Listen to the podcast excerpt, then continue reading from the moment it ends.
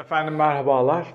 Daha önce sizlere izlemeniz hususunda uyarmıştım. Sonsuz Siper diye bir film var. Mutlaka izleyin, birlikte yorumlayalım diye. Neden uyarıyorum izleyin diye? Çünkü o kadar çok spoiler veriyorum ki bazıları isyan ediyor. İnsaf Hoca filmi izlemiş kadar olduk. Şimdi sonunu da biliyoruz. Nasıl açıp izleyeceğiz biz o filmi diye. Bazıları için bu çok sinir bozucu bir şey.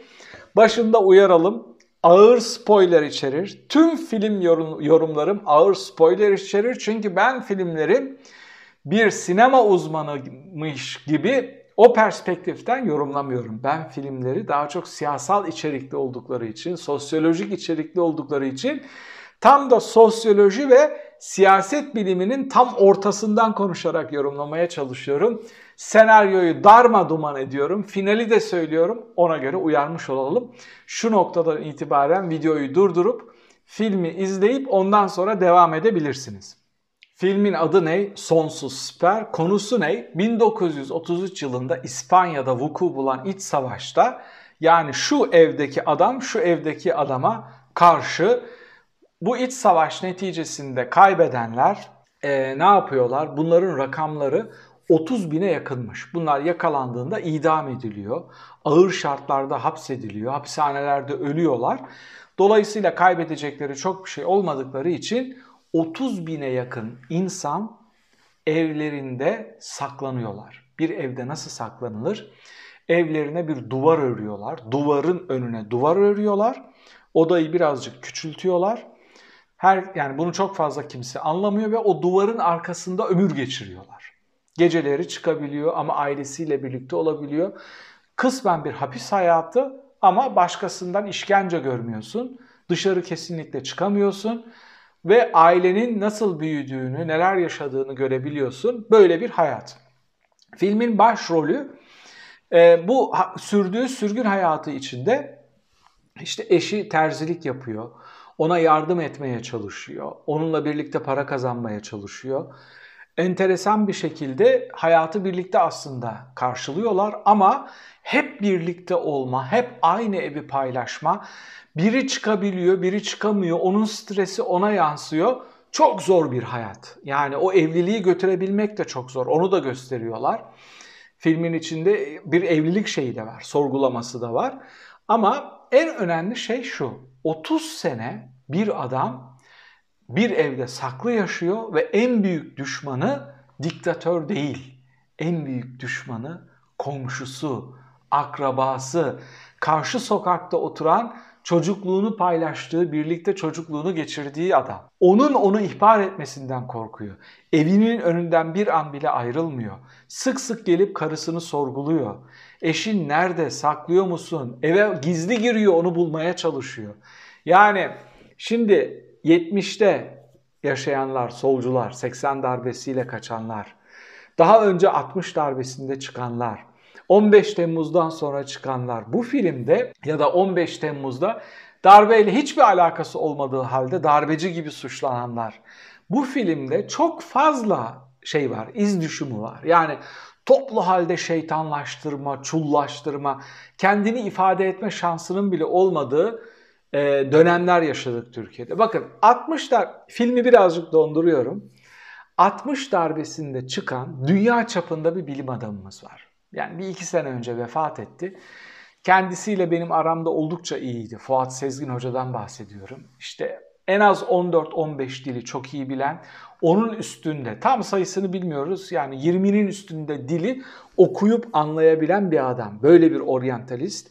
Dünya çapında bir oryantalist Helmut Ritter'in öğrencisi. İşte bu Hitler rejiminden kaçıp İstanbul Üniversitesi'ne sığınan rejim muhalifi ve Yahudi profesörlerden olan Helmut Ritter. Onun öğrencisi Fuat Sezgin. 60 darbesinde bu adamları Türkiye'nin en önde gelen akademisyenlerini bıçak gibi kesip e, atıyorlar. Yani bunlar kaçmak zorunda kalıyor. Yurt dışına çıkıyorlar. Adam yurt dışında dünya çapında bir akademisyen oluyor. Doktoramı yaparken çalıştığım önemli bir kurum vardı. Frankfurt'ta. Oraya gitmeden yolum onun önünden geçiyordu. Ziline basıyordum, enstitüsüne gidiyordum. Gittim, tanıştım. Ciddi bir şekilde şeyle olduk. Bir ahbaplık da kurduk, bir samimiyet de kurduk. Yani görüyorsun 80 küsür yaşına gelmiş, her sabah 8'de ofisinde çalışmaya devam eden, inanılmaz performans gösteren bir adam. Bir gün e, belki Fuat Sezgin'le olan anılarımı da bir yayında anlatırım. Gülhane Parkı'ndaki bu İslam İlimler Tarihi Müzesi'nin İstanbul'a getirilme fikri benim fikrimdi. E, Fuat Sezgin Hoca'yı ilk ikna eden, işte bir kültür bakanını ona getiren ama ters adam bakanı falan filan yolladı. Bir gün mutlaka bunu size detaylı anlatacağım. Filmden kopmamak için şimdi ona devam etmek istiyorum ama Fuat Sezgin gibi adamları atmışız, göndermişiz. Yokluk içinde hayata sıfırdan başlamışlar. Ben buna şahit oldum. Yani burada okurken, öğrenciyken. Daha sonra 80 darbesiyle gelen ve burada tutulmaya çalışan solcuların hayatına şahit oldum. Yani ben buraya geldiğimde 80 darbesinin üstünden 13 sene geçmişti. 93'te ben 19 yaşında gencecik bir delikanlıydım buraya okumaya geldiğimde. Yani orada daha dönmeyen, dönmemişlerin hikayeleri vardı, dönemeyenlerin. Şimdi o dönemeyenlerin hikayelerini anlatacağım. Film bu çok önemli. Film devam ediyor. Bir duvarın arkasında stres içinde her şeyi sorgulayan, kendi kimliğini sorgulayan, hatta bir gün yanına bir genç geliyor. Oğlu getiriyor onu. Artık oğlu da büyüyor. Ee, o da kaçak göçek siyasi şeylerle uğraşan. Çekiyor bunu karşısına diyor ki bak diyor git bir yuva kur. Bu bildiri dağıtma, rejim yıkma, bilmem ne yapma bunlar diyor. Saçma sapan şeyler kendimizi feda ettik bak diyor halime bak. Benim gibi olma diyor. Yani yani ideolojik doğrularından vazgeçmek isteyen, normalleşmek isteyen, diktatörlükse de kahramanlık yapmak istemeyen bir kimlik sorgulaması var. Bu her darbeden sonra, her devrimden sonra, her başarısız darbe ve devrimden sonra e, ya da sosyal hareketlerin bölünmesinden sonra bu kimlik sorgulaması vuku bulmuştur.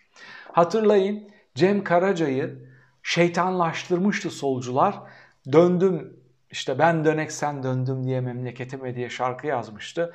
Özal'la tokalaşmıştı. Sen nasıl bunu yaparsın vesaire diye. Bu kimlik sorgulamaları sürekli vuku bulur. Şimdi bu da en etkileyici yerlerinden biri filmin. Yıllar geçiyor. Oğlu 20'li yaşlara geliyor. Evden çıkmıyor tabii adam hala. İşte evi basan biri oluyor. O dediğim komşusu onu oradan ihbar etmeye çalışıyor bulup. Göremiyor tabii onu. Ama jandarmalara gidiyorlar. Bizim evimize işte haneye tecavüz oldu bu adam girdi diye. Adam oğlu döndüğünde sürekli şunu soruyor. Beni sordular mı? Şöyle yaptılar mı? Böyle ya kendini öyle bir önemsiyor ki ve kendi durumunu o kadar negatif bir şekilde anlatıyor ki baba diyor seni kimse iplemedi. Hiç kimse sormadı diyor. Hiç kimsenin umurunda bile değilsin. Yani olayın üstünden 20 küsür sene geçmiş ama e, evden çıkamıyor, o korkusunu atamıyor. En sonunda af vuku buluyor. Tabii karısının büyük hayalleri var. Bir tatile gidecektik diyor. Kumsal'a gidecektik. Orada birlikte kumsal tatili yapacaktık. Seneler geçmiş, yaşlanmışlar. Bir af çıkıyor. Radyoda affı dinlemesine rağmen öyle bir derin içine işlemiş ve sorgulama yapmış ki e, şey yapamıyor. Evden dışarı çıkamıyor. Radyoda affı duymasına rağmen bence filmin zirve noktası orası. Dışarıya adım atamıyor. Ben çıkamam diyor işte. Kolluk kuvvetleri bile bir şey yapmasa şu bir şey yapar, bu bir şey yapar. Şimdi filmin o karesinde birazcık kendimi sorguladım. Yani iktidar değişti diyelim. Ülke demokratikleşti. Bir hukuk sistemi tesis edildi. Hatta Avrupa standartlarında bir yargı geldi. Nasıl yapacaksın? Geçmişte senin aleyhinde konuşan komşularınla, arkadaşlarınla, aynı sokağı paylaştığın, aynı ortamı paylaştığın Avrupa'yı kastediyorum. Dostlarınla tekrar yüz yüze gelebilecek misin? Ya da işte İstanbul'da aleyhinde konuşan eski arkadaşlarınla, eski dostlarınla, aynı tartışma programında olduğun aktörlerle aynı ortamda, aynı sokakta karşılaşabilecek misin? Gerçekten çok başarılı bir senaryo. İnsanı silkeleyen, kendine getiren çok çok önemli bir senaryo. Dışarıya adım atamıyor. Ee, en sonunda karısı onu kısmen terk etmekle tehdit ediyor. Yani onun korkusunu yenip dışarı çıkabilmesi için ben diyor o tatile gideceğim. Şimdi diyor günlerdir diyor otobüs saatlerine bakıyorum. Böyle bir an geldiğinde hangi otobüse atlayıp o sahil tatilini yapabiliriz diye ben şimdi gideceğim. o bileti satın alacağım ve o tatili yapacağım diyor. Tabii e, karısını kaybetme korkusuyla bir müddet bekledikten sonra o korkusunu yenip onun peşinden dışarıya çıkıyor. Sokakta geziyor. Bu sefer ne oluyor biliyor musunuz? Onun evini basan komşusunu arka çekimden alıyorlar. Perdenin arkasından, tülün arkasından ona bakıyor. Bu sefer o evin içine saklanıyor. O dışarı çıkamıyor. Onunla yüzleşemiyor. Onunla aynı sokağa çıkamıyor. Yakasına sarılıp onu emniyete teslim etmek istediği arkadaşını sokağa çıkıp yakasına sarılıp ona hesap soramıyor. Enteresan bir film.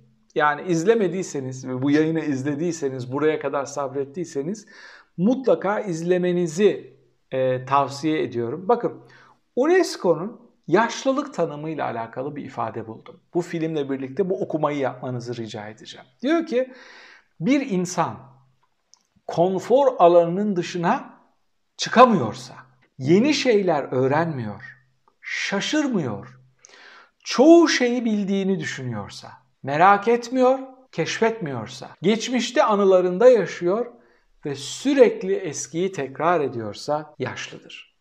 Muhteşem bir tanım. 30 yaşında da yaşlanabilirsiniz. 30 yaşında da bir duvarın arkasına saklanıp orada bir hayat yaşamayı tercih etmiş olabilirsiniz. Sizin kafanızı oradan dışarı çıkartacak cesur bir partneriniz olmayabilir. İşte burada yapmanız gereken bu tanımı çok iyi bir şekilde çalışıp belki de hepimizin kısmen ezberlerimizin dışına çıkmamız gerekiyor. Yeni şeyler öğrenmek, yeni hobiler elde edinmek, eski alışkanlıkları kısmen bırakmak ve yaşlılığa karşı bu şekilde direnmek. Filmden çıkartabildiğim sonuçlardan bir tanesi de buydu. Sadece o dört duvarın arasında kalmak değil, sadece başkalarının senin üstünde oluşturduğu baskıyla yaşamak değil, çıkıp ben hiçbir şey yapmadım, ben her zaman önüme gelenin en iyisini seçmeye çalıştım deyip hem kendinle yüzleşmek hem çevrenle yüzleşmen gerekebiliyor. Bunu geçmişte 60'ta 648'ler yaşadı. 80'de solcular, kısmen ülkücüler yaşadı. Bu ülkenin klasik tarihidir. Klasik enstrümanıdır. Sürekli kahraman çıkarır, sürekli mağdur çıkarır, sürekli kırılmalar vuku bulur. Bu gerçeklere göre yaşamamız gerekiyor. Nihayetinde bazen özgür olsak da kendimiz için ördüğümüz duvarları kıramadığımız için, kendimiz için ördüğümüz bariyerleri aşamadığımız için aslında kendi kendimizi hapsetmiş oluyoruz. Filmi izlemenizi izlediyseniz bu yaptığım yorum altına ekleyebileceklerinizi eklemenizi rica ediyorum. Ee, ara sıra böyle yakaladıkça önemsediğim, beni etkileyen, bunu mutat yapamayabilirim. Her zaman çünkü sosyolojik analiz yapabileceğimiz filmler düşmüyor. Sizlerin tavsiye edeceği filmler, öneriler olursa mesela bu yorumun altına oralardan seçip izleyip e, haftada bir böyle siyasi çıkarım, sosyolojik çıkarım yapabileceğimiz film paylaşımları da yapabiliriz. Bir sonraki videoda tekrar birlikte olmak üzere efendim. Hoşçakalın.